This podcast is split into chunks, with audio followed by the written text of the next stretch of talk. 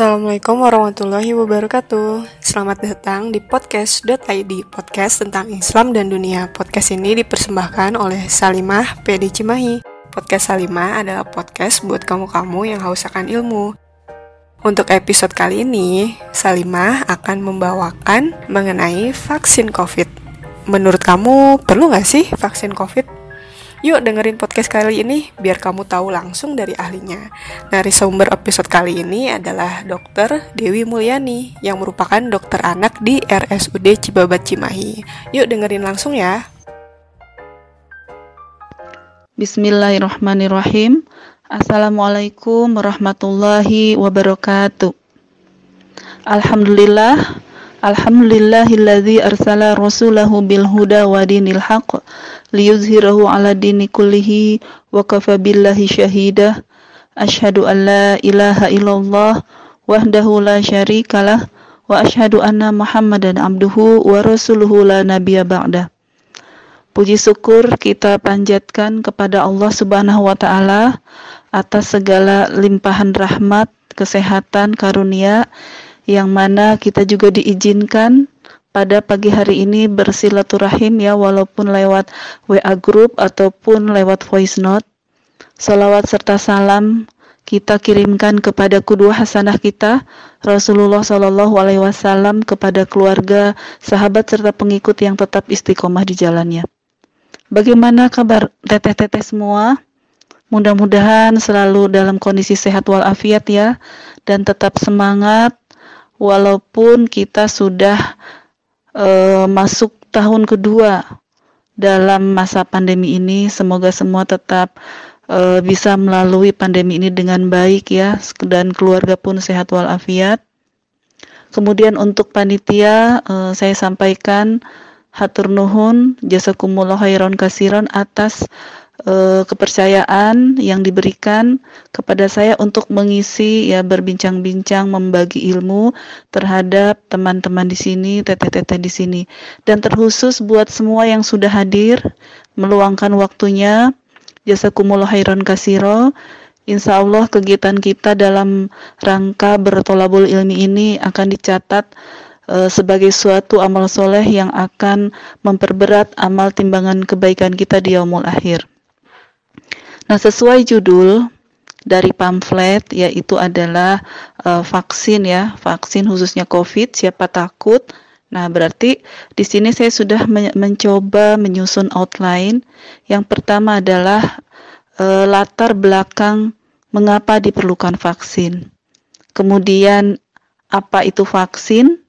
Apa yang dikhawatirkan dari vaksin dan kejadian ikutan pasca imunisasi bila kita bertanya e, mengapa vaksin COVID ini perlu dilakukan, maka kita juga ber, perlu berbicara mengenai data ya, data mengenai e, jumlah penduduk Indonesia khususnya yang telah terpapar oleh COVID.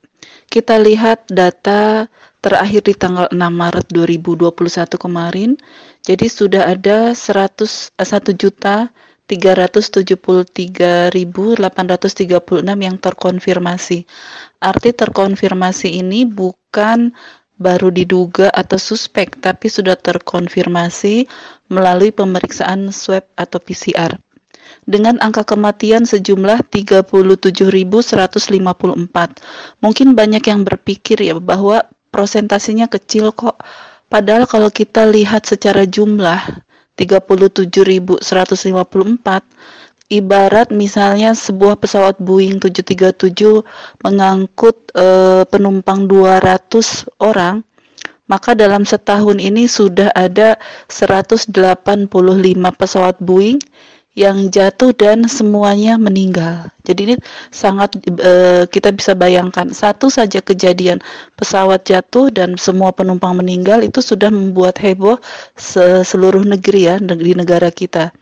Tetapi ternyata 185 karena ini kejadiannya hampir setiap hari ada yang meninggal, jadi banyak dari kita merasa itu biasa-biasa saja ya.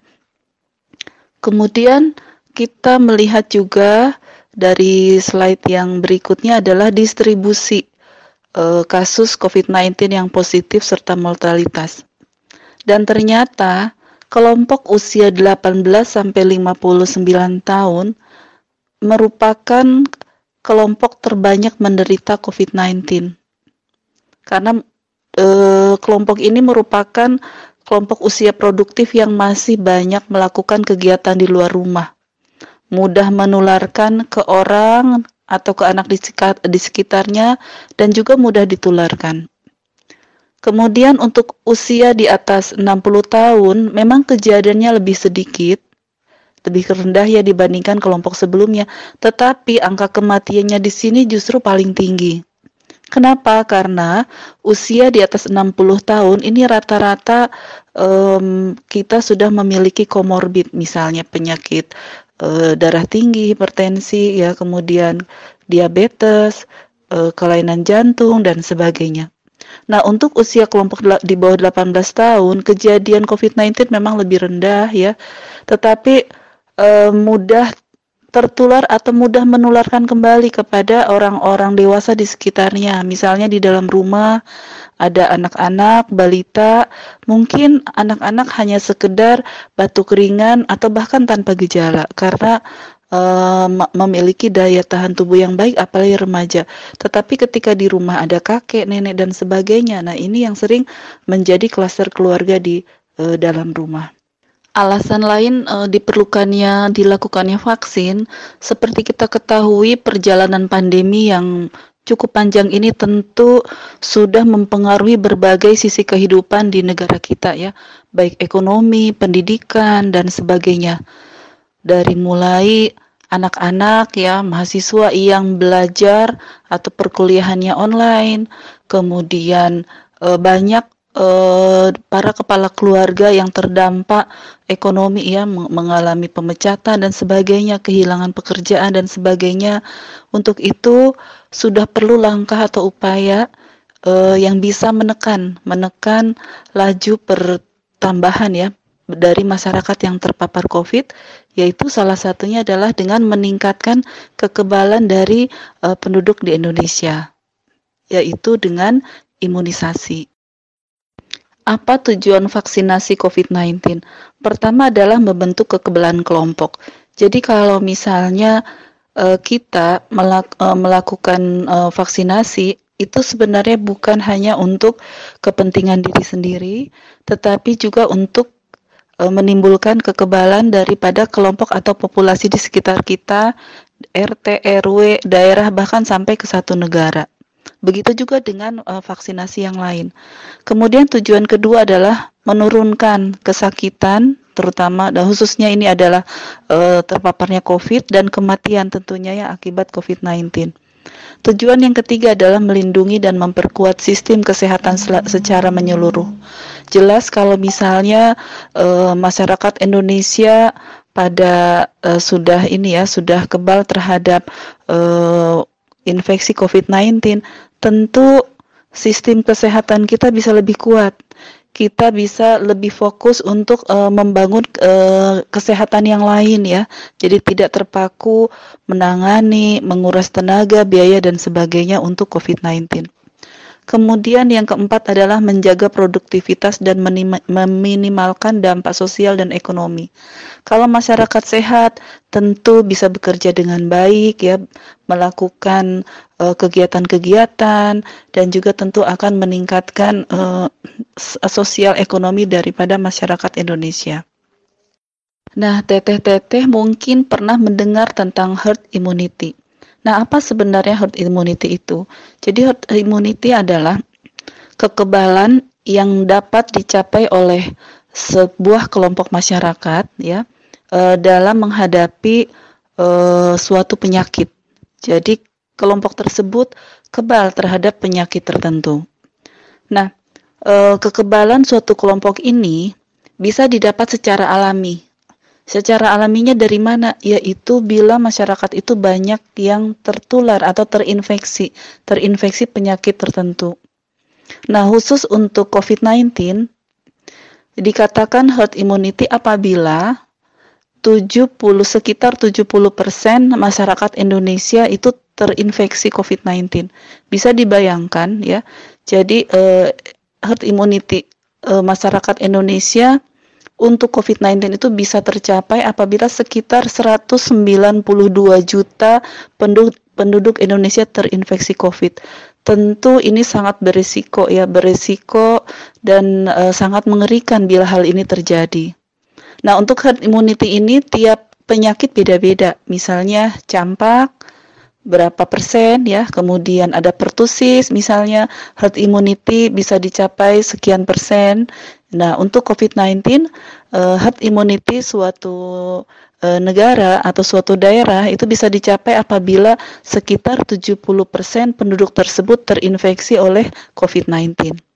Nah, tapi ada juga cara lain uh, yang bisa dicapai herd immunity yaitu melalui vaksinasi. Jadi tadi secara alami apabila terinfeksi atau dibuat. Jadi herd immunity ini kita buat supaya bisa dicapai yaitu dengan imunisasi atau vaksinasi. Nah, inilah yang ingin uh, dicapai oleh seluruh negara di dunia karena negara maju sekalipun tentu tidak ingin herd immunity negaranya terhadap COVID-19 dicapai melalui uh, penduduknya terinfeksi oleh uh, infeksi COVID-19. Bisa kita lihat dari gambar ini, slide ini ya, bahwa warna merah dari orang yang merah ini merupakan uh, orang yang tidak diimunisasi kemudian uh, sakit atau terpapar infeksi COVID-19 dan kemudian menularkan. Sementara orang-orang di sekitarnya yang berwarna kuning adalah orang-orang yang belum pernah diimunisasi, ya, tetapi masih sehat. Dan orang-orang yang berwarna biru adalah sudah diimunisasi dan sudah sehat. Nah, kita lihat di uh, yang pertama, yang paling atas ya, ketika ada dua orang terinfeksi tetapi di sekitarnya tidak divaksin sama sekali, maka untuk menjadi sebuah wabah itu sangat besar. Kemudian apabila e, di gambar kedua ya di bawahnya, apabila sudah ada yang divaksin tetapi masih sangat sedikit, tetap bisa akan menimbulkan wabah. Kemudian di gambar yang paling bawah kita lihat jumlah orang-orang yang diimunisasi sudah lebih banyak, sudah jauh lebih banyak, maka walaupun ada dua orang yang terinfeksi, itu insya Allah e, sangat kecil kemungkinan bisa menimbulkan wabah. Ini yang namanya herd immunity. Jadi ketika orang e, seseorang divaksin itu sebenarnya bukan hanya untuk melindungi dirinya sendiri, tetapi untuk melindungi lingkungan sekitarnya kalau semua mempunyai pikiran seperti ini ya maksudnya uh, saya melindungi diri dan uh, orang lain maka insya Allah sebuah populasi itu akan mencapai herd immunity tetapi kalau misalnya masih berpikir biarlah mereka divaksin, saya nggak apa-apa, nggak usah. Nah, kalau semuanya berpikir seperti itu, nanti kejadiannya bisa seperti yang gambar pertama atau kedua. Nah, mengenai prosentase ya, prosentase beberapa berapa yang harus divaksin agar tidak menimbulkan wabah itu yang berbeda-beda. Kalau COVID-19 adalah 70% dari masyarakat. Baik itu melalui vaksin ataupun melalui infeksi atau terpapar uh, maka itu akan insya Allah akan menimbulkan kekebalan dari populasi tersebut. Untuk gambar ini mengenai infeksi uh, infection rate ya, kita melihat ada beberapa uh, contoh dari kemampuan menularkan uh, penyakit. Nah, ini kita lihat COVID-19. Sebenarnya COVID-19 ini satu orang pasien yang terpapar itu mampu menularkan ke sekitar 1,5 sampai 4,5 orang di sekitarnya. Beda dengan campak. Campak itu menduduki urutan pertama yaitu satu orang dapat menularkan ke 12 sampai 18 orang. Nah, tetapi dengan seiring berjalannya waktu, kita mendengar bahwa ada mutasi ya di di bulan Agustus uh, menjadi D614G, kemudian sekarang yang dari Inggris juga B117. Ternyata mutasi-mutasi tersebut membuat kemampuan virus menular lebih cepat. Lebih uh, dia lebih kuat untuk menularkan kepada orang-orang uh, di sekitarnya. Nah, apa yang membuat ya membuat uh, atau yang mempengaruhi penularan dari sebuah penyakit khususnya COVID-19.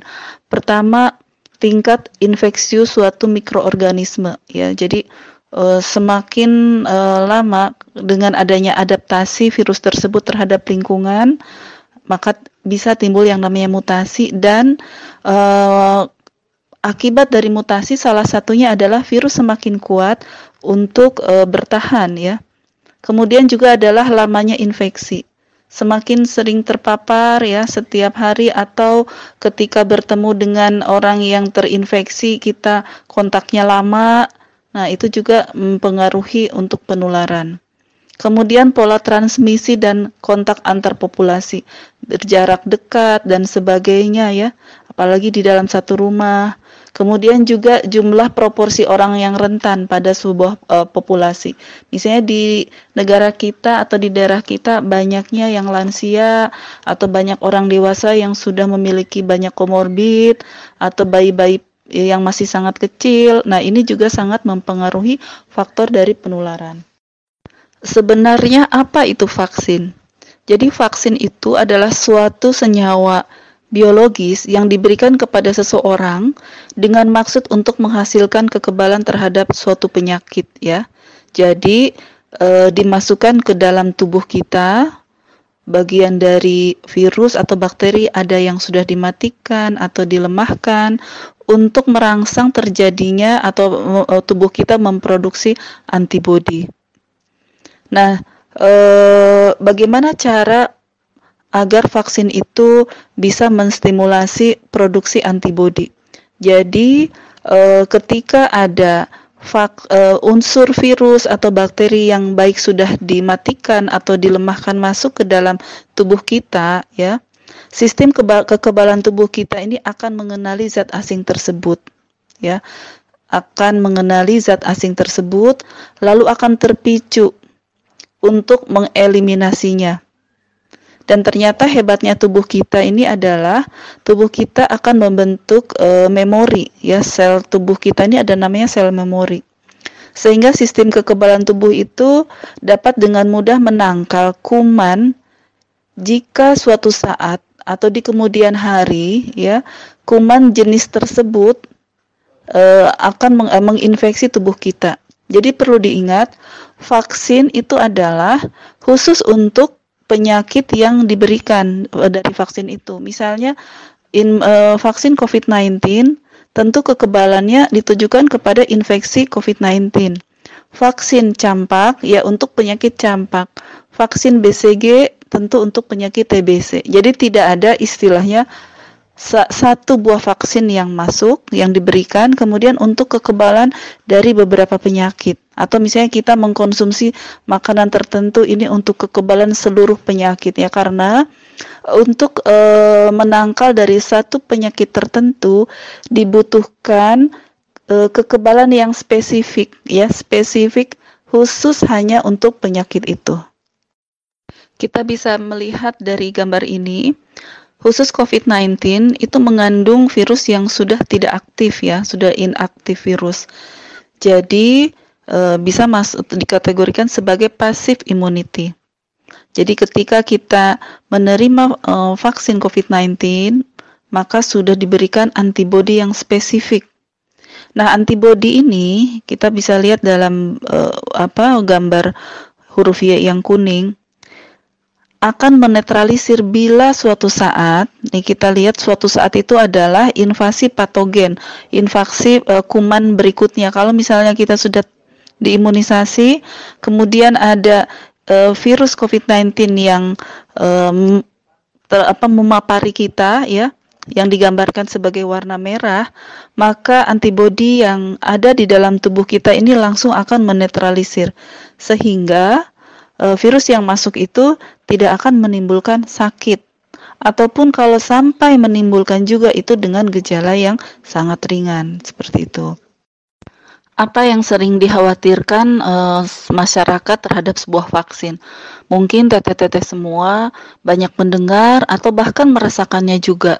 Misalnya berpikir apakah vaksin tersebut halal atau tidak, apakah mengandung zat-zat yang berbahaya yang malah bisa menimbulkan uh, efek yang tidak diinginkan terhadap tubuh kita ataukah benar vaksin tersebut melindungi kita terhadap penyakit itu ya Nah, ini pertama masalah kehalalan pada tanggal 11 Januari 2021 eh, Majelis Ulama Indonesia telah mengeluarkan fatwa ya tentang eh, kesucian dan kehalalan vaksin Sinovac yang berasal dari Cina dan yang dibuat juga oleh Bio Farma. Nah, eh, untuk terbitnya fatwa ini tentu tidak mudah ya karena melalui proses yang cukup panjang di mana dimulai atau diawali dengan datangnya komisi e, dari majelis ulama ini atau tim auditor juga dari BPOM yang datang ke langsung ke Cina. Jadi langsung ke Cina ke pabrik Sinovacnya, kemudian juga meninjau pembuatan yang di Bio Farma. Sehingga muncullah ya pada tanggal 8 Januari itu uh, ada dilakukan rapat Komisi Fatwa Ulama yang menyimpulkan bahwa proses produksi Sinovac itu ternyata tidak memanfaatkan babi atau bahan yang tercemar babi dan turunannya. Jadi enzimnya atau apanya itu tidak digunakan dari babi ya. Kemudian proses produksi Sinovac juga tidak memanfaatkan bagian tubuh manusia ya. Jadi tidak uh, ada isu misalnya menggunakan uh, janin lah sebagai uh, dan sebagainya itu ternyata tidak digunakan tidak digunakan. Uh, kemudian dari rapat tersebut pada tanggal 8 akhirnya dikeluarkan fatwa ya. Fatwanya tanggal 19 eh, tanggal 11 Januari. E, hal yang dilihat juga adalah proses produksi. Jadi bukan hanya bahan.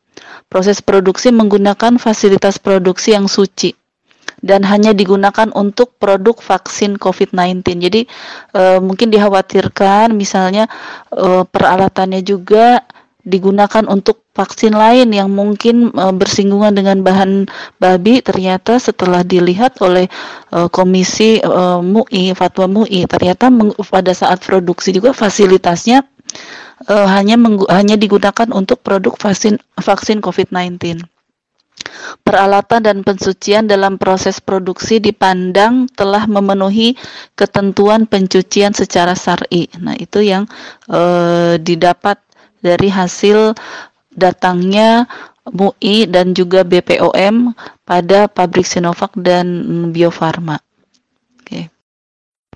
Nah, bagaimana dengan keamanan vaksin Sinovac? Jadi, sebagai sebuah vaksin yang baru, tentu perlu proses yang panjang sebelum digunakan oleh masyarakat. Sebuah vaksin baru tidak hanya sulit untuk menemukan antigen yang sesuai serta komponen-komponen lainnya, tetapi proses manufacturing, uji klinis, dan regulasi juga sangat rumit dan sulit.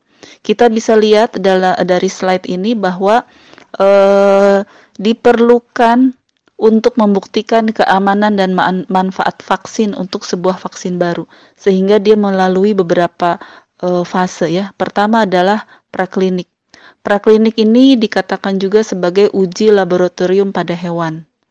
Tujuannya adalah untuk melihat respon imun daripada hewan yang disuntik vaksin tersebut, kemudian untuk menentukan dosis yang aman, kemudian juga untuk mencoba ketahanan hewan setelah imunisasi terhadap infeksi e, penyakit tersebut. Ketika menemukan e, efek samping pada hewan setelah diimunisasi, atau divaksin, maka e, proses yang selanjutnya yaitu uji klinis tahap 1 itu tidak akan dilanjutkan bila pada hewan saja sudah menimbulkan bahaya.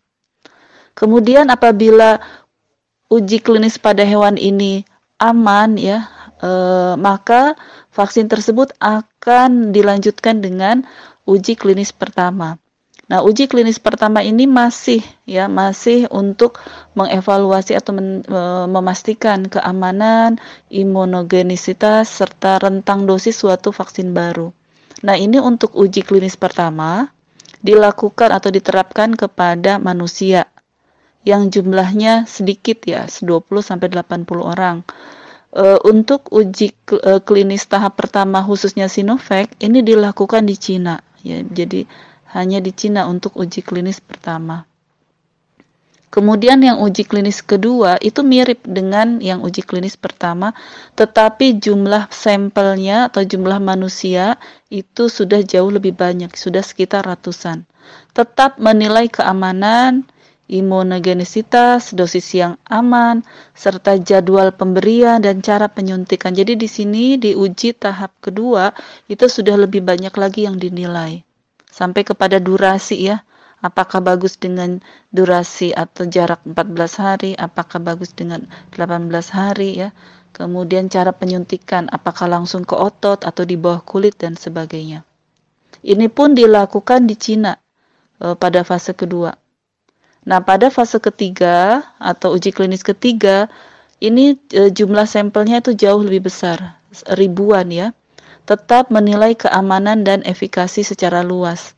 Juga melihat efek samping uh, yang lebih jarang yang mungkin pada saat uji uh, klinis tahap 1, tahap kedua itu tidak muncul karena jumlah sampelnya lebih jauh lebih kecil, maka di uji uh, klinis tahap ketiga ini juga dicari efek samping yang lebih jarang. Sampel itu bisa sampai ke puluhan ribu. Nah, untuk yang Sinovac itu dilakukan pada uh, fase 3 ini di beberapa negara ya, ada di Indonesia, kemudian di Turki, di Brasil dan sebagainya. Bagaimana dengan hasil uji klinis 3 vaksin Sinovac di Bandung?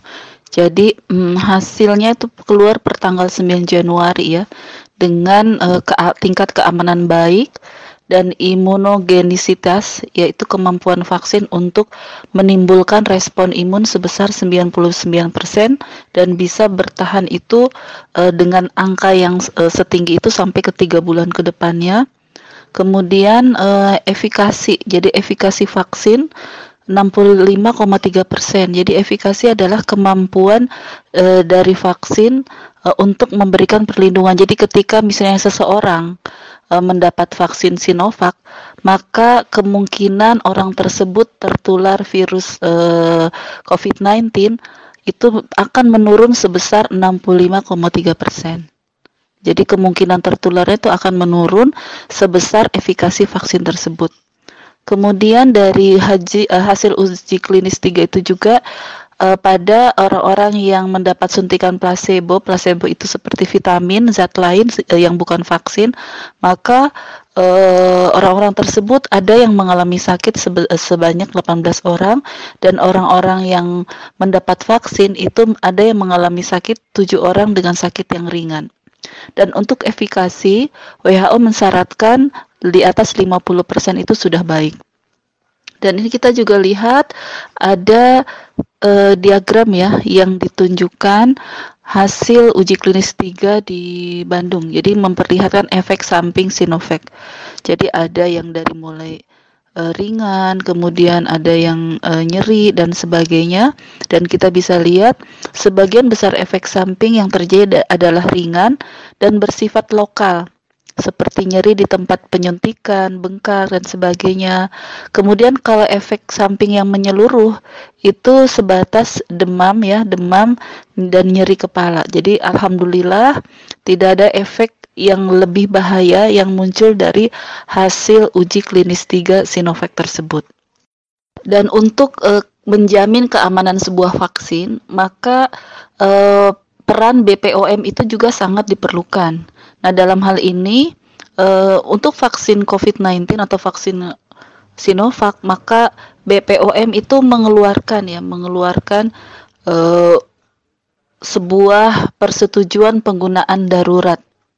Jadi emergency use authorization untuk menjamin uh, keamanan, mutu serta kemanjuran bagi vaksin Sinovac yang menjadi salah satu indikator bahwa vaksin tersebut memang memenuhi kualifikasi TOYIP. Jadi kita sebagai uh, umat muslim tentu tidak mas uh, tidak hanya masalah kehalalan ya, tapi uh, kebaikannya juga.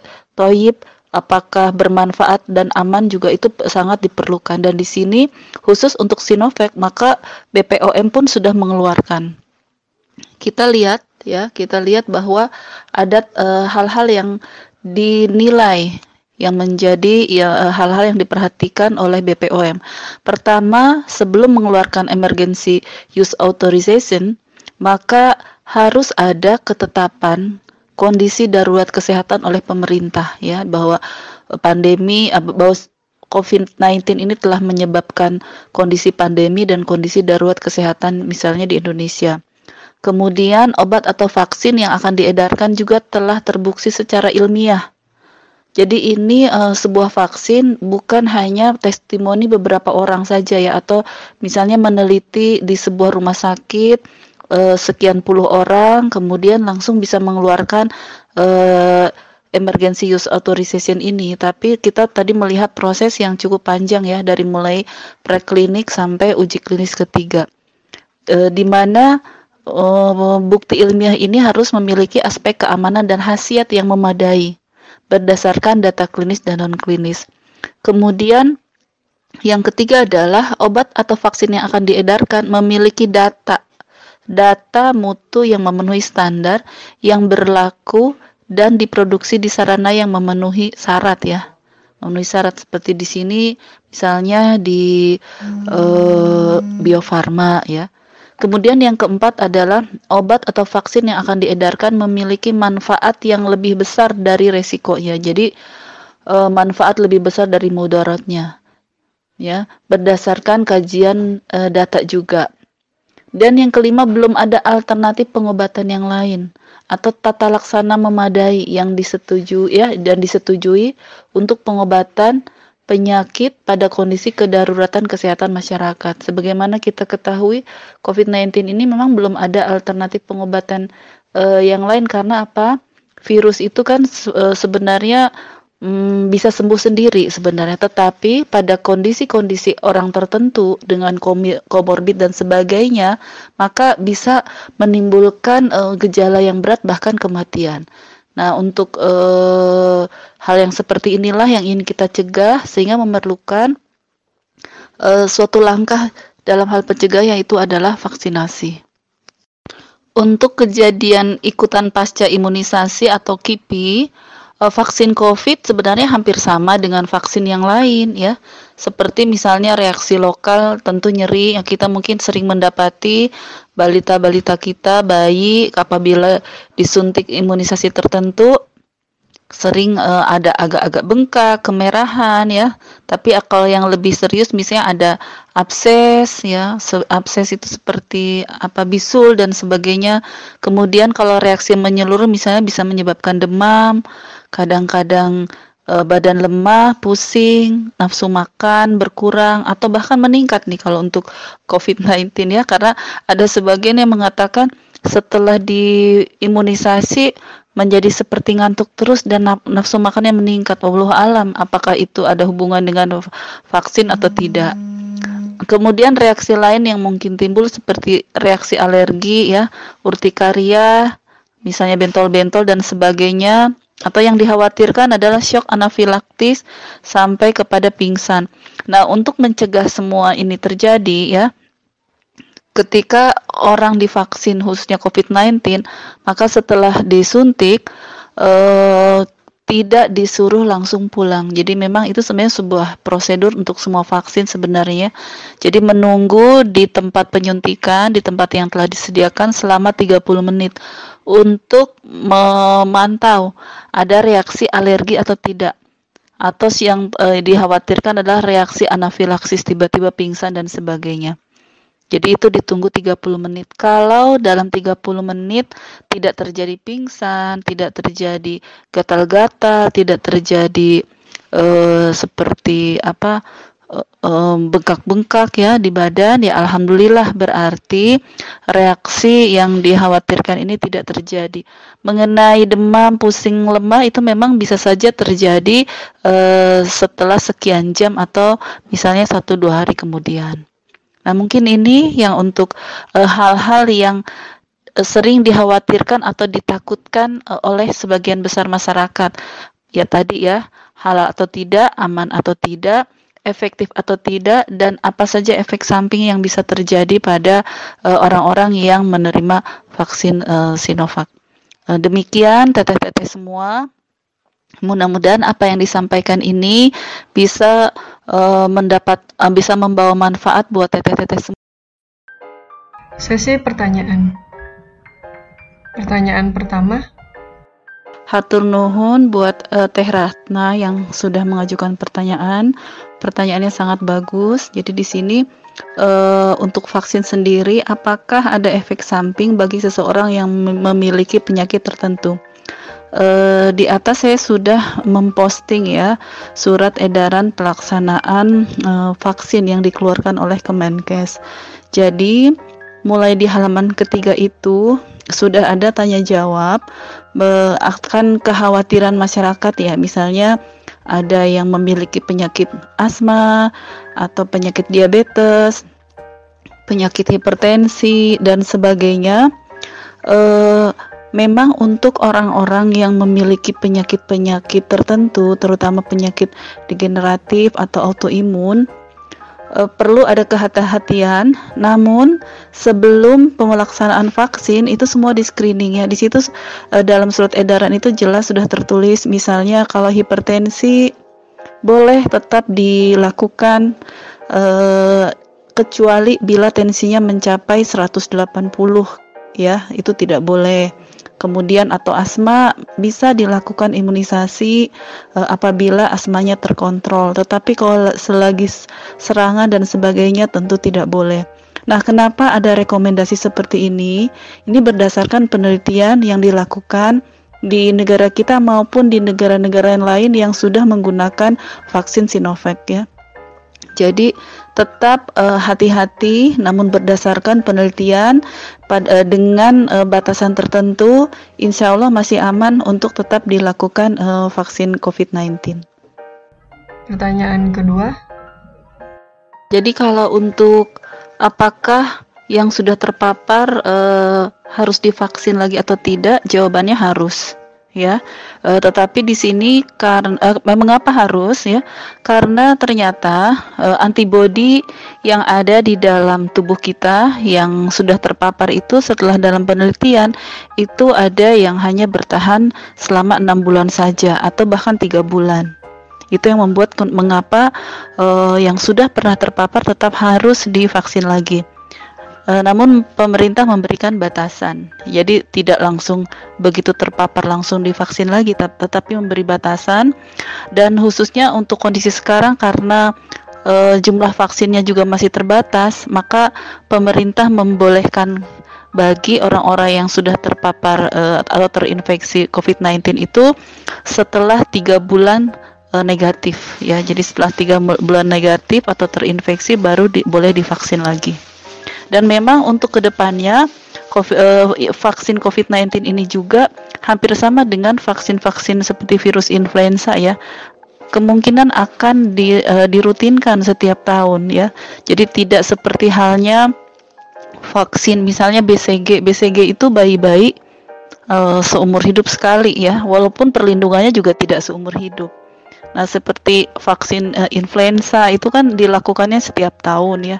Influenza ini maksudnya bukan vaksin pilek ya, tapi vaksin uh, yang disebabkan oleh oleh kuman hemofil uh, kuman hemophilus influenza ya yang biasa menyebabkan radang otak dan sebagainya. Jadi tetap ya jawabannya tetap harus. Terima kasih atas pertanyaannya.